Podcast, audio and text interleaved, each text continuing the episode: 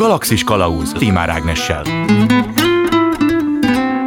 Kellemes délutánt kívánok, ez itt a Galaxis Kalausz 161. epizódja a mikrofonnál Tímár Ágnes. Az előző adásban Kubinyi Enikő etológus elmondta, a kutyagazdi párosok nem csak viselkedésükben, de küllemükben is sokszor hasonlítanak egymásra. Egy kutatásból pedig az is kiderült, hogy fotó alapján kívülállók is könnyen kitalálják, hogy melyik ebnek, melyik ember a gazdája. És ahogy a kutyánk látványa árulkodhat a személyiségünkről, úgy az otthonunk is képes ilyesmire valamire. Első megálló Hunya Csilla otthonpszichológus van velem a vonalban, jó napot kívánok! Jó napot kívánok! Kezdjük mindjárt azzal, hogy a titulusát megmagyarázzuk. Nem tudom, hogy mennyire ismert itthon ez a kifejezés, hogy tisztában vagyunk-e vele. Én legalábbis szeretném, hogyha elmondaná, hogy ez mit akar, mivel foglalkozik. Ez egy otthonnal kapcsolatos pszichológiai ág, amit ez a titulus űrít, hogy otthon pszichológus. Tulajdonképpen azt akarja mondani, hogy, hogy az otthonokkal foglalkozó pszichológus.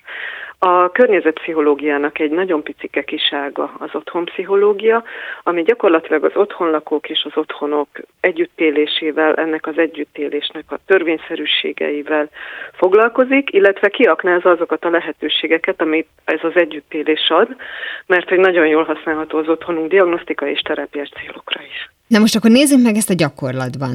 Ha valaki ezt a szolgáltatást igényli, egyrészt ha tud róla, hogy van ilyen, akkor hogyan kezdődik ez az egész? Általában úgy szokott kezdődni, hogy megkeresnek engem, vagy hogyha valahol máshol történik ez, akkor, akkor azt, aki ezzel foglalkozik, és egy személyes beszélgetés követi ezt a megkeresést, amikor hát tulajdonképpen olyan, mint bármilyen terápiás helyzetben egy első interjú, amikor megismerjük, hogy miért kér segítséget az illető, mi, hol érez elakadást, vagy hol szeretne nagyobb erőforrásokat felszabadítani magában, vagy elrendezni valamit az életében, és ezt követően, az első beszélgetést követően elmegyünk az otthonába, amikor megnézzük, hogy vajon ez az otthon hogyan tud hozzájárulni ehhez a folyamathoz. Tehát, hogy ez egy nagyon kínos terület, vagy kérdéses terület a pszichológián belül, mert hogy a legtöbb terápiás módszerben a terapeuta nem mehet be a kliens személyes terébe, sőt, tehát ez egy, ez egy éles határnak számít.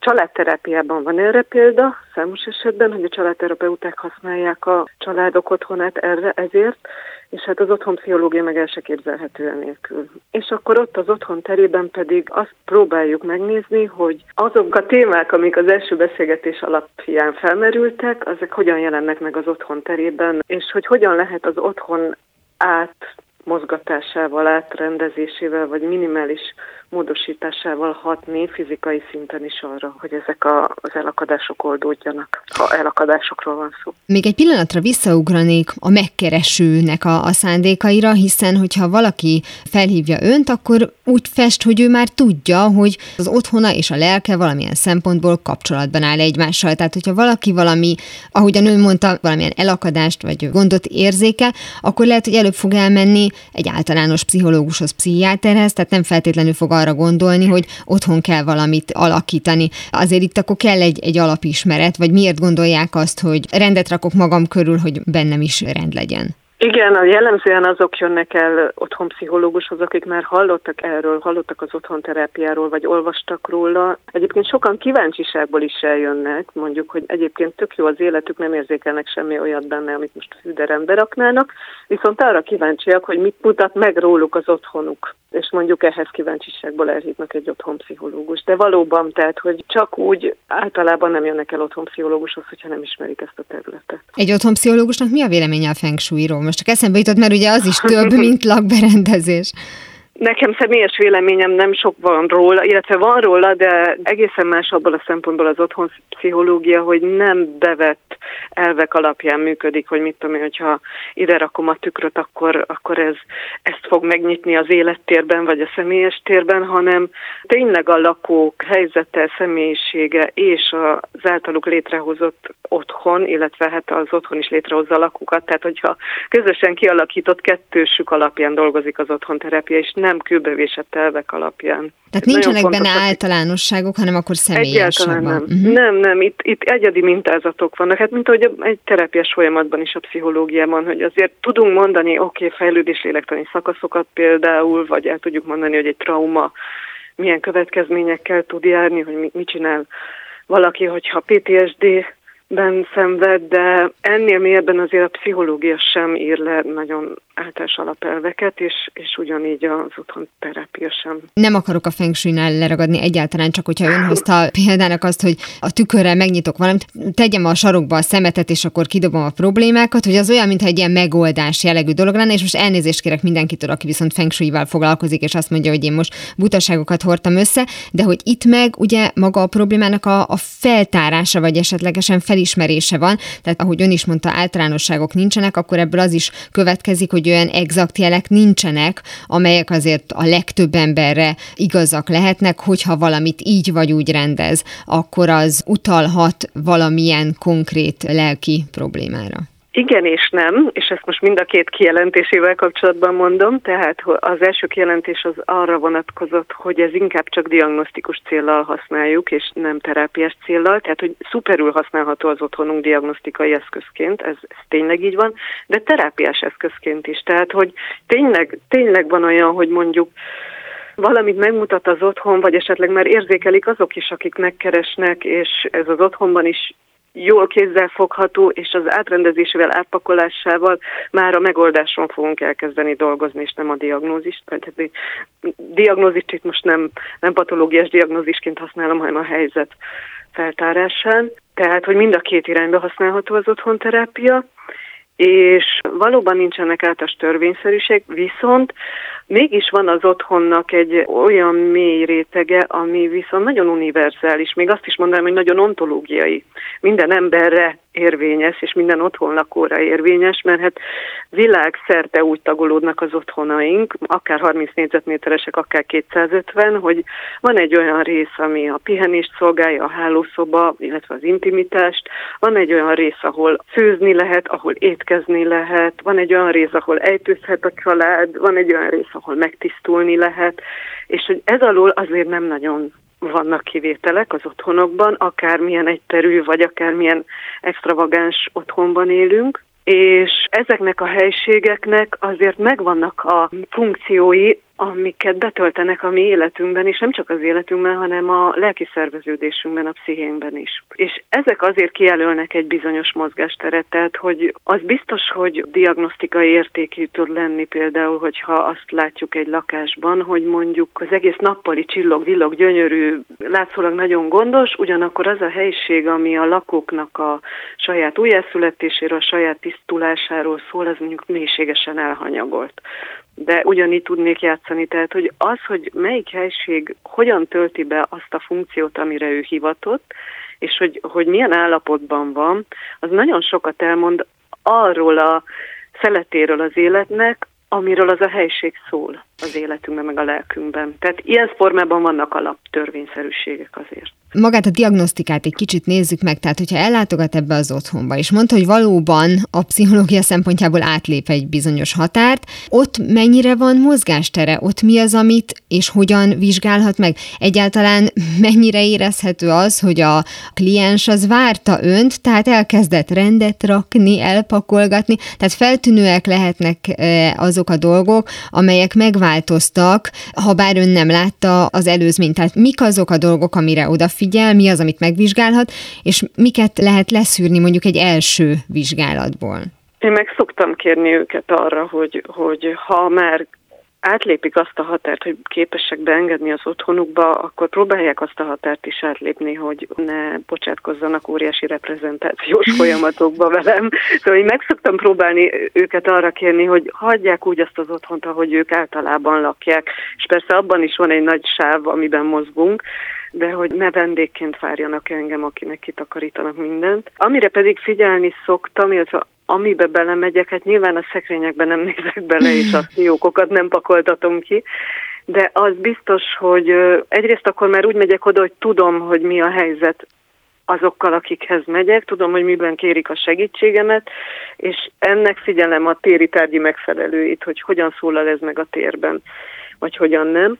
És a másik pedig épp, amit az imént mondtam, hogy én nagyon erősen figyelek arra, hogy a, az otthon egyes funkciói, az egyes részei, helyiségei mennyire kihasználtak, mennyire élik ott meg az emberek azt, amit ott meg kell élni egy embernek. Tehát, hogy ebből a szempontból mondtam, hogy itt azért normatív az otthonpszichológia. Tehát, hogyha mondjuk egy nappaliban nem lehet ejtőzni a családnak, mert az a nappali annyira átfordult abból, hogy, hogy ez egy családi szabadidős központ legyen, átfordult oda, hogy az egy reprezentációs területté váljon a vendégek számára folyton, és emiatt meg se lehet ott moccanni, meg ott se lehet semmit hagyni, mondjuk egy könyvet egy fotelben, stb. stb., akkor az azért nagyon sok mindent elindít már gondolkodás szinten, hogy akkor itt, itt merre felé lehet nyúlni, vagy hogy mi történik ebben a családban. Ez az egyik szempont, tehát hogy a helyiségek mennyire töltik be a feladataikat, vagy mennyire tölthetik be a feladataikat, és a másik pedig az például, hogy milyenek a határok ebben az otthonban, hogy milyenek a távolságok, tehát hogy tényleg lett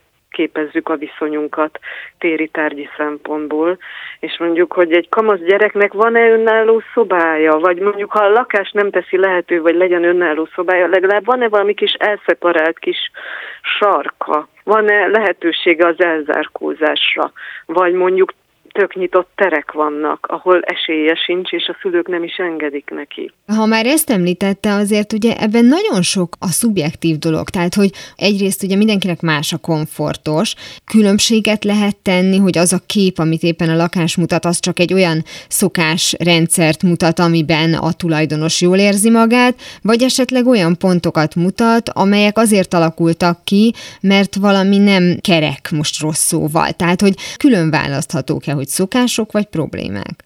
Hát a, nagyon gyakran a problémák is szokások. vagy nem jó, nem jó szokások, inkább így fogalmaznék. Arra mindig nagyon törekszünk, hogy ne csak a rutinokat mérjük fel egy otthonba, vagy ne csak azt mérjük fel, hogy mondjuk az adott helyiség éppen mennyire tudja betölteni a feladatát, vagy az, a, az az otthon mennyire alkalmas arra, hogy otthona legyen valamennyi ott lakónak, és mondjuk ne egy, most én nagyon extrém példát mondok, ne egy kiképző tábora legyen, vagy ne egy félelmetes helyszíne legyen, vagy egy szorongató helyszíne legyen. Tehát, hogy ezen túl, hogy ezt megpróbáljuk megnézni, ezen túl nagyon, nagyon erősen összpontosítunk arra, hogy ők maguk, akik ott laknak, hogyan élik meg magukat a térben. Tehát, hogy nem csak az én szemem van ott, hanem az ő élményeik is ott vannak, és e, ehhez megvannak a megfelelő eszközök, akár mérőeszközök is, hogy ebben tájékozódjunk, és ebből Egyébként nagyon-nagyon hatásos élmények születnek az ott lakók számára, miért például amikor felmérjük azt, hogy mondjuk egy család különböző tagjai mondjuk hogy érzik magukat az étkező asztal körül. És akkor kiderül, hogy mondjuk az apa óriási büszkeséget él meg, általában meg örömöt az étkező asztal körül, a feleség szorongást él meg, a gyerekek pedig félelmet. És akkor el lehet kezdeni rögtön beszélgetni arról, hogy hát akkor hogy vannak ezek a szokások, rutinok, amik ott zajlanak ennél az étkező asztalnál, és hogy lehet az, hogy ilyen különböző a családi élménytár ide vonatkozóan. És akkor mondjuk kiderül az, hogy igen, mert az apa nagyon erős szokásokat hoz otthonról, hogy hogy kell viselkedni egy étkező asztalnál, és ezek a szokások mondjuk olyan erősek, hogy egyáltalán nem veszik figyelembe, hogy egyébként a hiperaktív gyerekük nem tud megülni nyugodtan az étkezés alatt, és muszáj lenne matatnia valamivel minimum ahhoz, hogy viszonylag nyugodtan ki lehessen bírni egy étkezést. Az anya végig szorongja az étkezést azért, mert megfeszül a két oldal között, a matató gyereke és a helyes viselkedést elváró párja között. Tehát, hogy ilyen, ilyenekre gondolok, és amikor összeáll egy kép arról, hogy hogy néz ki ez az otthon, hogy szerveződnek benne a rutinok, és hogy élik meg maguk az otthonlakók az otthon különböző részei magukat, akkor lehet elkezdeni azon dolgozni, hogy na, valahogy hozzányúljunk ehhez a térhez. Tehát akkor a vizsgálat része a kérdésfeltevés is, nem csak az, hogy körülnéz szó nélkül. Persze, persze, persze. De akkor ebből ugye az is következik, hogy meg kell, hogy ismerje az adott otthonnak a, a történetét, abból é. a szempontból, hogy mióta laknak ott, átrendezték-e, hányszor rendezték át a lakást, és ez a része az, ami még gondolom egy nagyon fontos kérdés lehet, hogy az ember ember hogyan alakítgatja a lakását. Tehát, hogy van egy ösztönös vágy is bennünk, illetve ezt saját magunkon is látjuk, hogy, hogy időről időre változtatgatunk valamit. Ebből milyen következtetéseket lehet leszűrni? Abból, hogy egyrészt milyen gyakran, és hogy mondjuk milyen intenzitással tesszük ezt. Én itt sem tudnék ilyen általános következtetést leszűrni, azt hiszem én így viszonylag óckodom az általános következtetésektől,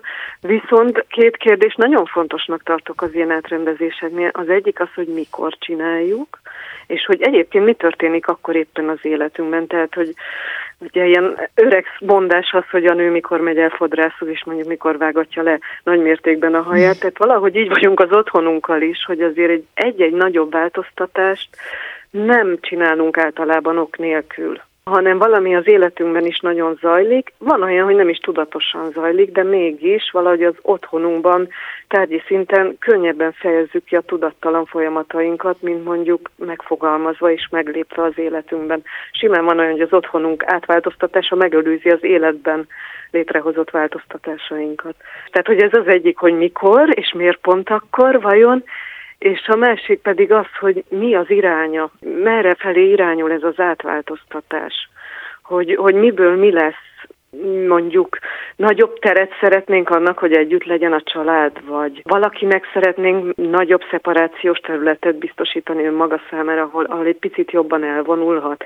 Tehát, hogy e, ezek is nagyon fontos kérdések, és hogy ez, amire törekszünk az átváltoztatással, ez milyen helyet foglal el éppen az adott életünkben és az életünk folyamatában. Ugye azt többször említette, hogy nem szeretne általánosítani, akkor gondolom ez azt is jelenti, hogy egy konkrét változtatás mondjuk a lakásunkban, az az egyik embernél ezt jelenti, a másik embernél meg épp az ellenkezőjét. Tehát ha mondjuk például a gyerek felnő, egyetemre megy, például vidékre költözik, üresen marad a, a szobája, akkor ugye vagy az van, hogy a, a szülők ott hagyják egy ilyen mauzóleumnak, ahova a hétvégén csak néha megérkezik, vagy fogják, kipakolnak mindent, és abból lesz a edzőterem, most mondtam egy szélsőséges példát, és hogy ugyanezt a két dolgot két különböző ember más-más indítatásból teheti meg ezek szerint, tehát hogy nem feltétlenül kell ugyanazt a következtetést levonni ugyanazokból a cselekedetekből. Abszolút. Abszolút, tehát hogy itt tényleg a kulcs az, hogy mennyire van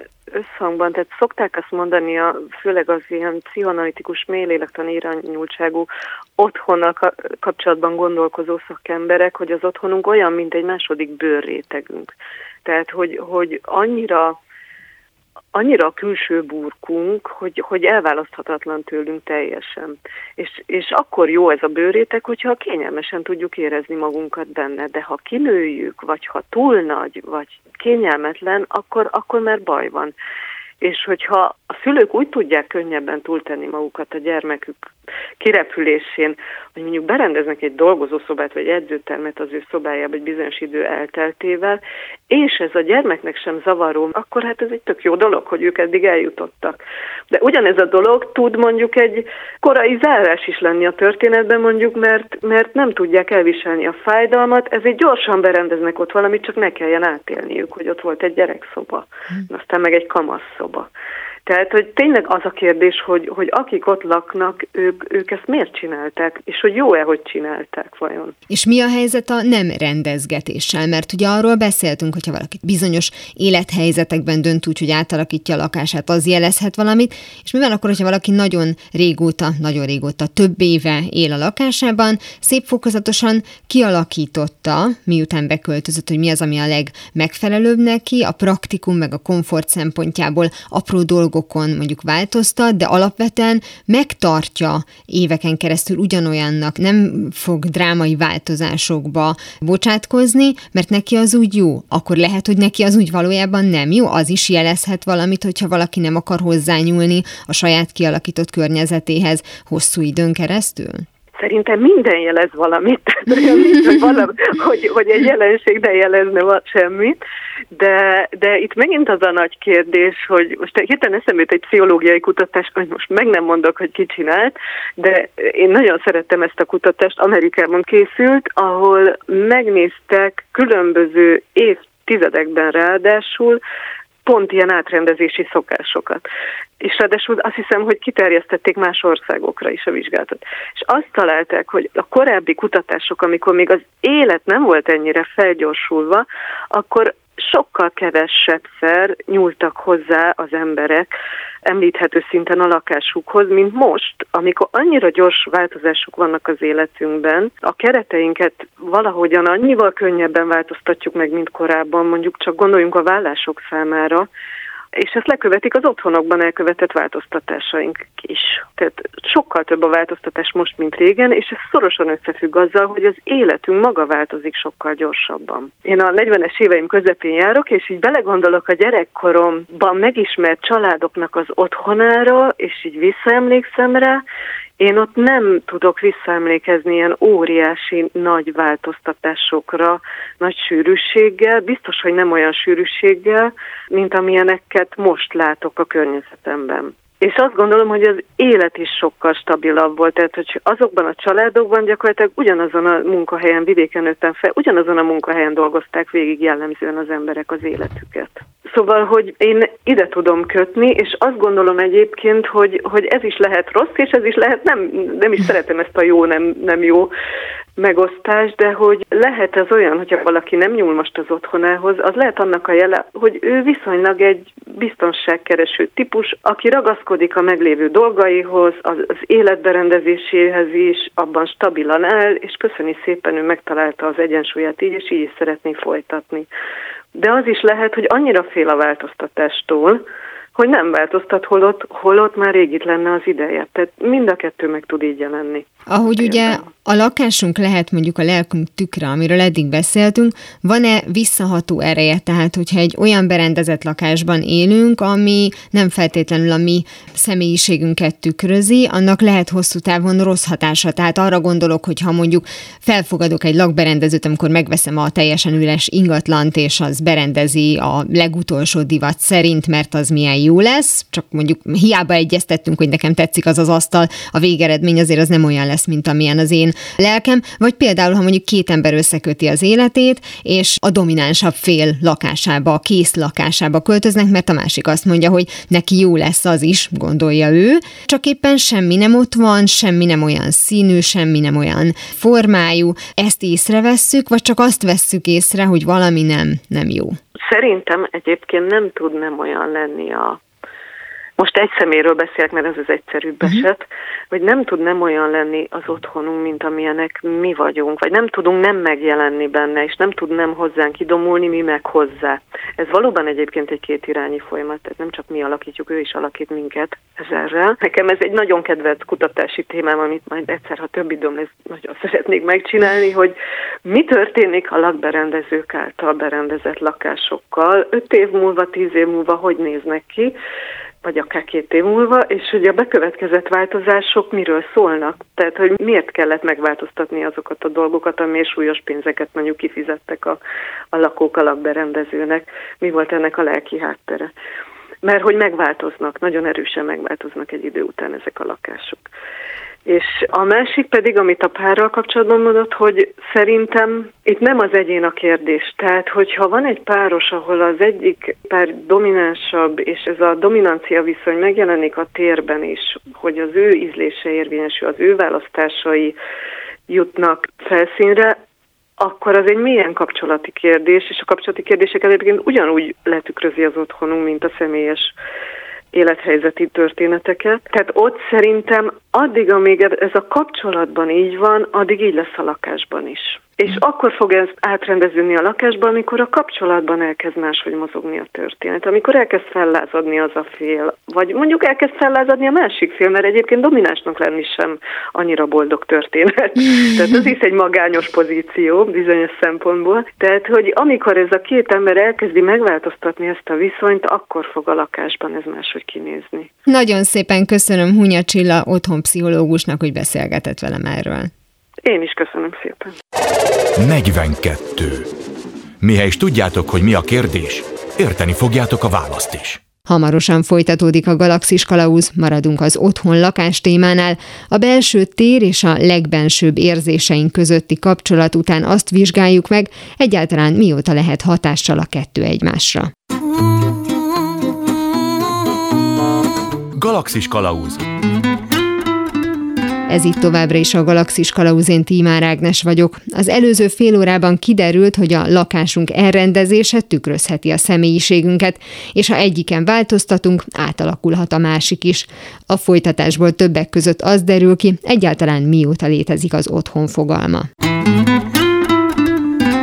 Második megálló a vonalban Ferkai András építészettörténész van velem, jó napot kívánok! Jó napot kívánok! A hallgatóink az előzőekben, hát tulajdonképpen az otthon választás, teremtés, kialakításnak a pszichológiáját hallhatták, vagy legalábbis azokat a tényezőket, amelyek mentén látható, hogy ahogyan mi élünk, viselkedünk, az akár látszik abban, hogy hova tesszük az étkező asztalt a konyhában.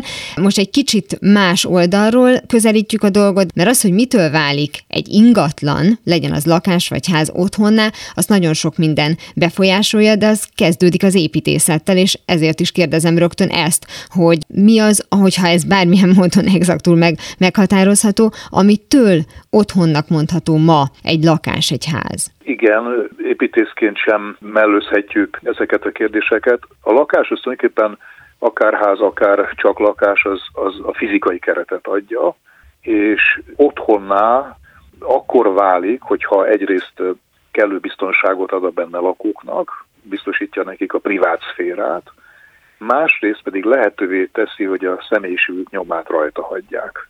Tehát én azt gondolom, hogy attól válik igazán otthonná egy lakás, hogyha benne élők azt berendezik, kibélelik, falra felszegezik a nekik tetsző fotókat, képeket, fölakasztják, könyvesbolcra könyveket tesznek, illetve nekik kedves tárgyakat, akár személyes fotókat, egyebeket kiteszik a falra. Tehát a saját képükre alakítják, és az általában hosszú idő alatt zajlik, tehát nem azonnal a beköltözésnél, hanem hosszú időn keresztül.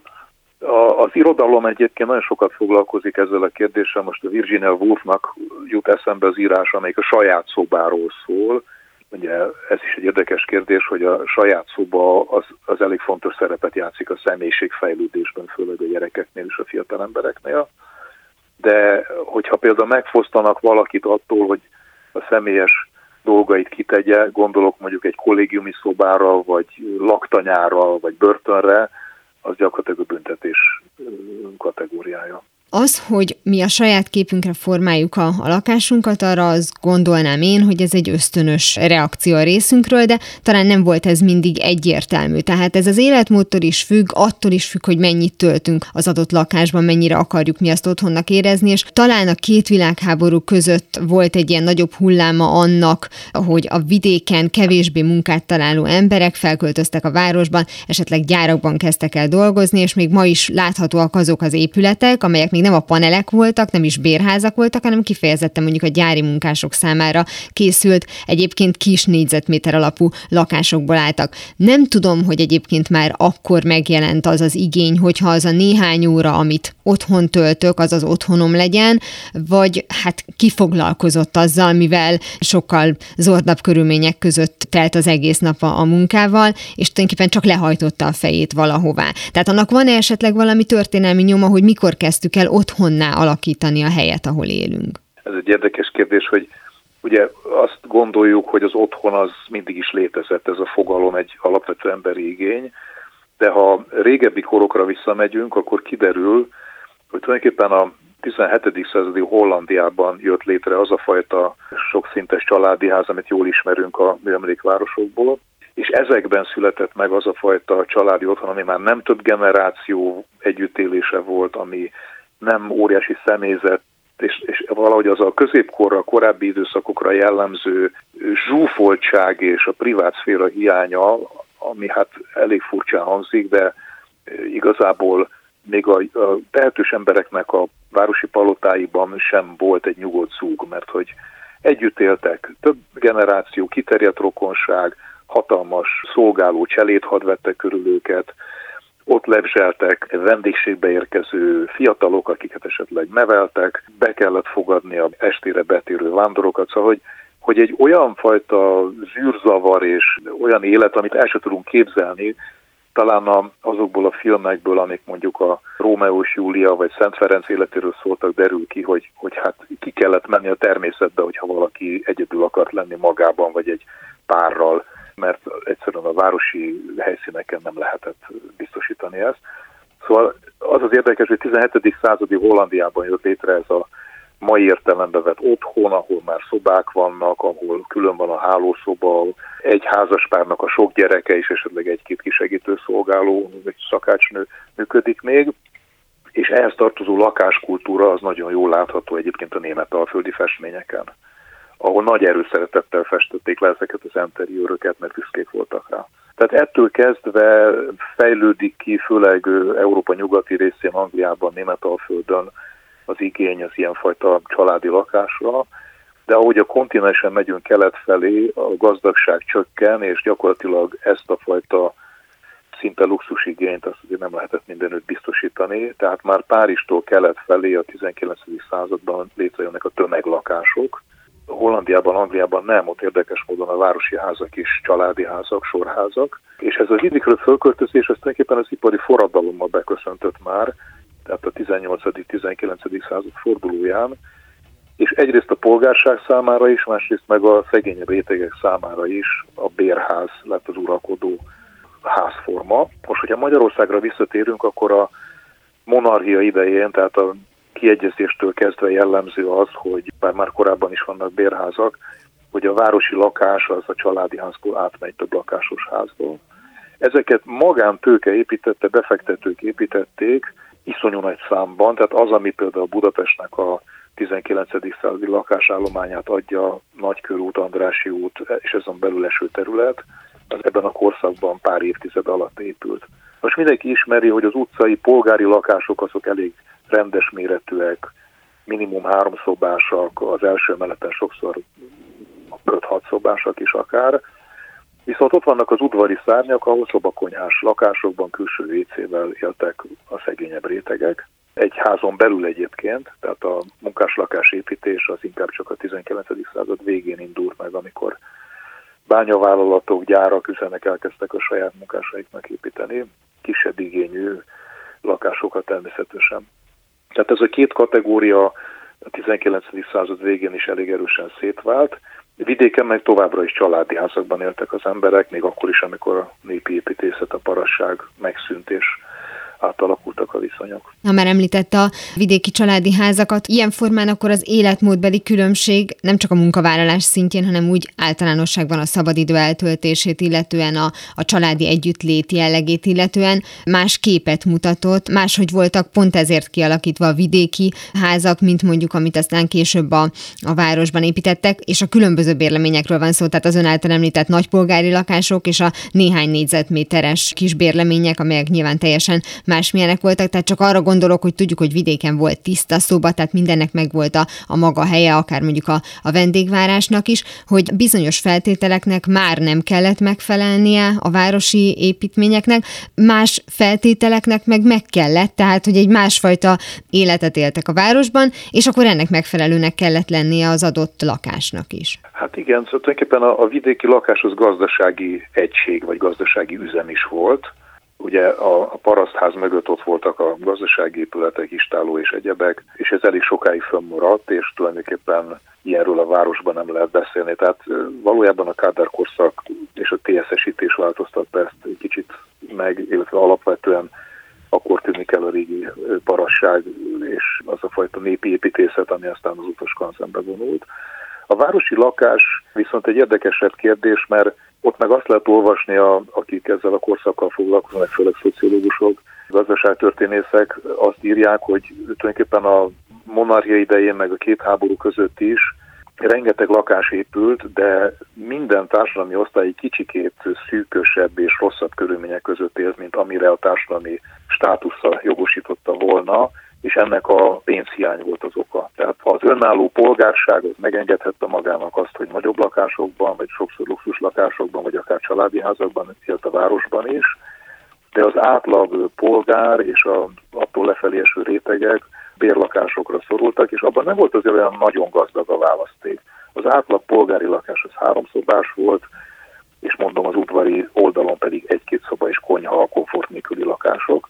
A horti korszakban változott ez meg fokozatosan inkább a 30-as évekre, amikor igyekeztek már egészségesebb bérházakat építeni, mert ugye azt azért mondani se kell, hogy a szép eklektikus meg szecessziós homlokzatok mögött azért elég sötét udvarok húzódtak, és hát a hátsó zónában azért nem igazán voltak vonzók a lakás lakáskörülmények, és akkor a 30-as években kezd fokozatosan kialakulni ez a modern bérház típus, ahol már nincsen hátsó udvari szárny, meg függőfolyosó, fűtött lépcsőházból nyílnak a kisebb lakások, szűkebb lakások, de mondjuk a polgári igényeket azt próbálták a utca és a hátsó front közé helyezett hallal uribbá vagy reprezentatívabbá tenni. Ugye a hallós lakás egyrészt, másrészt meg a kis egyszobás garzon lakások jellemzők erre a korszakra.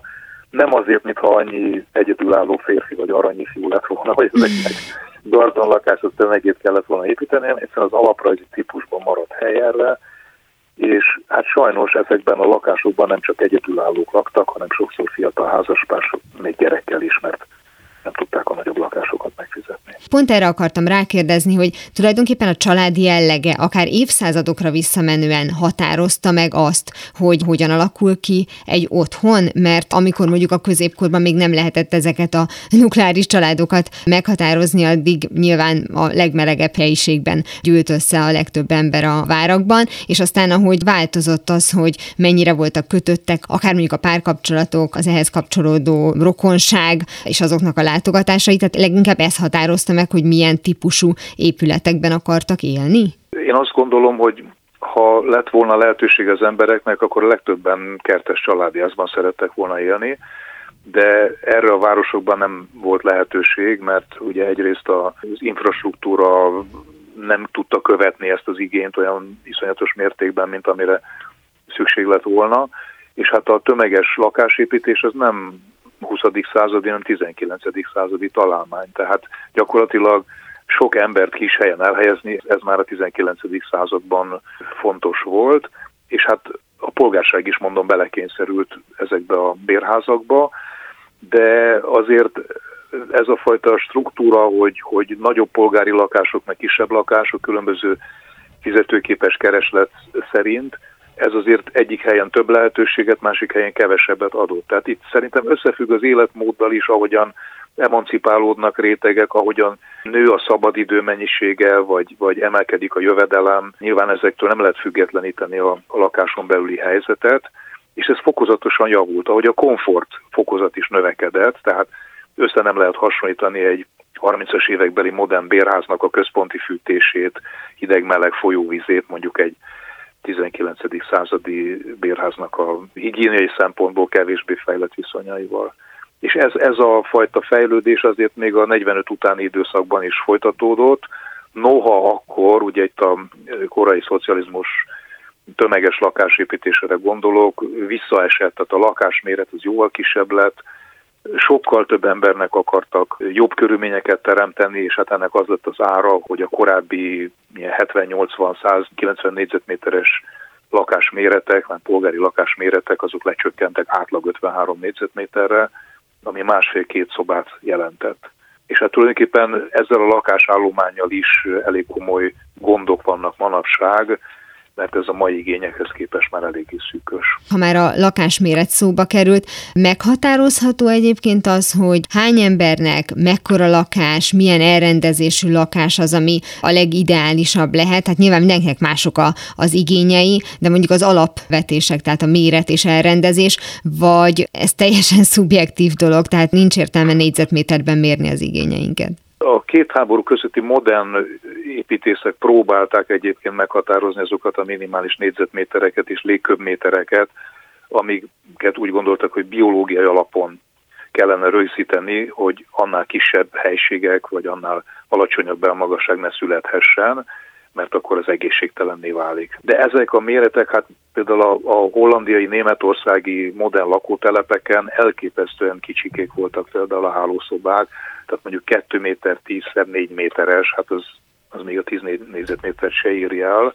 Ott is azért, mert nagyon sok lakást kellett nagyon rossz helyzetből kiszabadulni akaró emberek számára építeni. Aztán, hogy, hogy mekkora igénye van egy embernek négyzetméterben, légköbméterben, hát szerintem most akkor a másik végletnek mondhatnánk azt a több ezer négyzetmétert, ami sokan laknak egyedül, vagy egy kis családdal, de hát ha csak arra gondolunk, hogy, hogy ma 300 négyzetméterben határozták meg azt a családi ház méretet, amelyikhez nem kell engedési tervet beadni, akkor ez azt mutatja, hogy a mai átlagigény az akár már a 300 négyzetmétert is elérheti. Azért nem gondolnám ezt átlagos igénynek, de valamilyen okból ez lett a felső határ mostanában. Ahogy egyébként ma már a bérelt lakásokra is egészen más lehetőségek, illetve szokások vonatkoznak. Ugye erről már beszéltünk korábban, és azért ez egy fontos kérdés, hogy mi az, amit a magunkénak érzünk, és ezáltal az otthonunknak valljuk, hogy ez fontos, hogy azt mondhassam, hogy az én nevem van a tulajdoni lapon,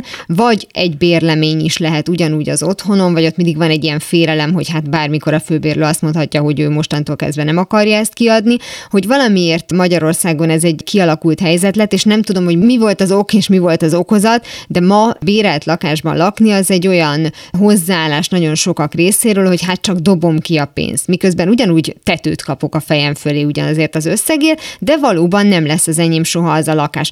Hogy ez gond, vagy azért alakult így, mert eleve nem elérhetőek a bérelt lakások, gond van-e a bérelt lakással? Hát ez a fajta gond a, a 19-20. századi bérlakásoknál is fölmerült, mert nagyon sokszor emelték a lakbért, és volt olyan, hogy aki nem tudta fizetni, ezt kilakoltatták. A szocializmus idején nem volt ilyen veszély, mert akkor elvileg aki kapott egy, egy önkormányzati, vagy állami, vagy később szövetkezeti lakást, az először is kicsike lakbért fizetett, másrészt meg nem fenyegetett az a veszély, kiteszik. Az a gond, hogy a rendszerváltás után átbillentünk a másik végletbe, tehát a sok állami és közös alapon épült lakás, juttatott lakás után szinte teljesen eltűnt ez a szféra.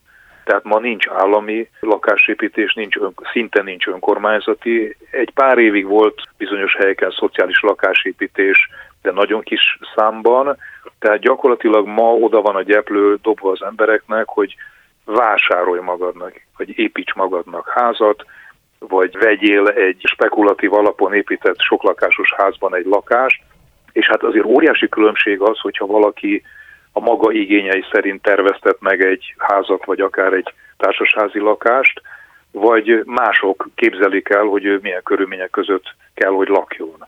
Tehát itt az üzleti alapon folyó lakásépítés, hát az se bérlakás sajnos manapság, hanem tulajdon, az valami elképzelt igényre dolgozik, vagy többféle elképzelt igény, és ezek főleg a piaci kereslet alapján dőlnek el. Tehát az, hogy ma 30-36 négyzetméteres lakásból építenek rengeteget, vagy mit tudom én, 120-150 négyzetméteresből azért, mert észlelik, hogy a piac fizetőképes kereslete az ezt igényli, de hogy aztán ezeknek a belső kialakítása milyen és mit tesz lehetővé, az egy nagyon komoly kérdés, mert manapság ugye amerikai konyhás lakások alig fallal, szinte ajtó nélkül épülnek, és hát ott fölmerül az a kérdés, hogy például a család tagjainak az elkülönüléséhez vagy visszavonuláshoz az ilyen transzparens vagy szinte egyterű lakás az mennyiben nyújt segítséget.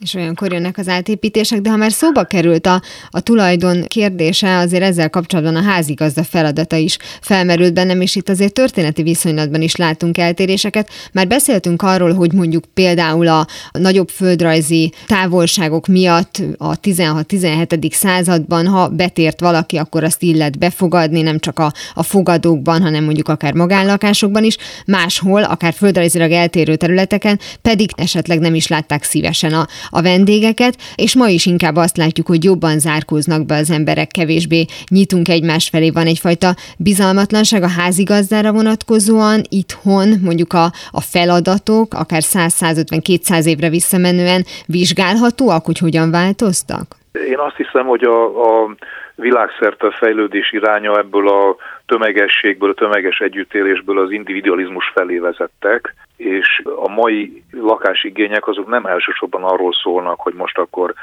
hány vendégszobát kell építeni, hogy befogadhassunk rokonokat, vagy bárkit ismerőst, vagy milyen mértékű vendégeskedés, vagy bulizás folyik majd a lakásban, mert tényleg, de hát ez, ez szociálpszichológia megint, hogy, hogy bezárkózóak lettünk el. Szerintem vannak olyan emberek, akik igen, más rétegek meg, meg nem továbbra is próbálnak nyitottak maradni. Inkább az a kérdés, hogy ezt a piacon elérhető lakások ezt mennyiben tudják szolgálni, vagy mennyiben tudnak ezeknek a különböző igényeknek megfelelni, és hát itt, itt azért azt lehet érezni, hogy a nem egyedileg terveztetett házak, lakások esetében ez a beavatkozási lehetőség ez fokozatosan csökken. És ez azért baj, mert tulajdonképpen van egy olyan általános probléma a lakásnál, hogy a család mérete és igényei azok időben változnak. Tehát ha összeházasodik két fiatal ember, és aztán gyerekeik születnek, akkor először ugye egy egészen kicsi lakásban meg tudják húzni magukat, aztán ahogy jönnek a gyerekek, úgy egyre nagyobb térre, egyre több szobára van szükség, és aztán a gyerekek felnőnek, kirepülnek, és akkor megint ott marad két idős ember, esetleg egyedül, és egy nagy kérdés az, hogy, hogy ezt létezik olyan lakás, amelyik követni tudja, vagy állandóan lakásokat kell cserélnünk, hogy ezeket a változó igényeket ki tudjuk elégíteni. És akkor még nem beszéltünk arról, hogy a lakáson belüli együttélés, tehát a legszokásosabb megoldás az, hogy akár családi házról, akár lakásról van szó, hogy külön választjuk a nappali zónát és a háló vagy éjszakai zónát, és hát tulajdonképpen az utóbbi a háló szobák szolgáltatják a privát szférát, holott nem biztos, hogy csak aludni kell tudni ezekben a kis szobákban, hanem esetleg dolgozni, visszavonulni, meditálni, tornázni, tehát ezerféle ö, egyéni ö, cselekvést el lehet képzelni. És hát a másik az, hogy az is egy eléggé előítéletes elképzelés, hogy mondjuk a szülőknek a gyerekek közelébe kell feltétlenül lenni, én olvastam olyan eléggé elgondolkodtató elméletet építésztől, hogy a legbékésebb és legjobban működő lakásban a nappali zóna elválasztja a szülők és a gyerekek zónáját egymástól. Tehát külön van a szülőknek egyfajta birodalma, és külön a gyerekeknek, és a nappali az, ami elszigeteli, elválasztja őket egymástól. És ezen belül még fölmerülhet az is, hogy hogy a gyerekeknek is, meg a házaspárnak is lehet visszavonulásra szüksége. Tehát az, hogy egy franciágyas hálószobába kényszerül egy házaspár, és nincs lehetőség arra, hogy mondjuk a feleség vagy a férje, nő, a férfi akár külön aludjon, vagy, vagy valami fajta külön hobbiának egy szobában hódoljon, akkor ott bizony konfliktusok támadhatnak. Tehát a, a lakástervezés azért az egy, nem egy ártatlan dolog, és nagyon komolyan bele tud az emberek életébe avatkozni, tehát itt szó sincs arról, hogy csak a bútorozás, a berendezés stílusa, ugye beszélünk sokszor minimalista lakásról, meg mediterrán házról, meg organikus építészetről, meg én nem tudom micsodáról, de ez alapvetően nem egy stílus kérdés. Na, akkor már is kiderült, hogy ez a 300 négyzetméter nincs is annyira messze a mi komfortzónánktól. Ha valaki megengedheti magának, igen. Nagyon szépen köszönöm Ferkai András építészet történésznek, hogy beszélgetett velem erről. Köszönöm szépen is. Utak? Ahová megyünk, ott nincs szükség utakra. Mára ennyi volt a Galaxis Kalauz, jövő héten ugyanekkor találkozunk, hamarosan archívumunkból visszahallgathatják a mai adást is, valamint most már podcast formában is elérhető a műsor. A Rádió és a Galaxis Kalauz Facebook oldalán további érdekességeket találnak, illetve ha még nem tették, iratkozzanak fel YouTube csatornánkra. Köszöni a figyelmüket a szerkesztő műsorvezető Tímár Ágnes. Viszont hallásra! Viszlát, és kösz a halakat! Ez volt a Galaxis Kalauz. Timár Ágnes műsorát hallották.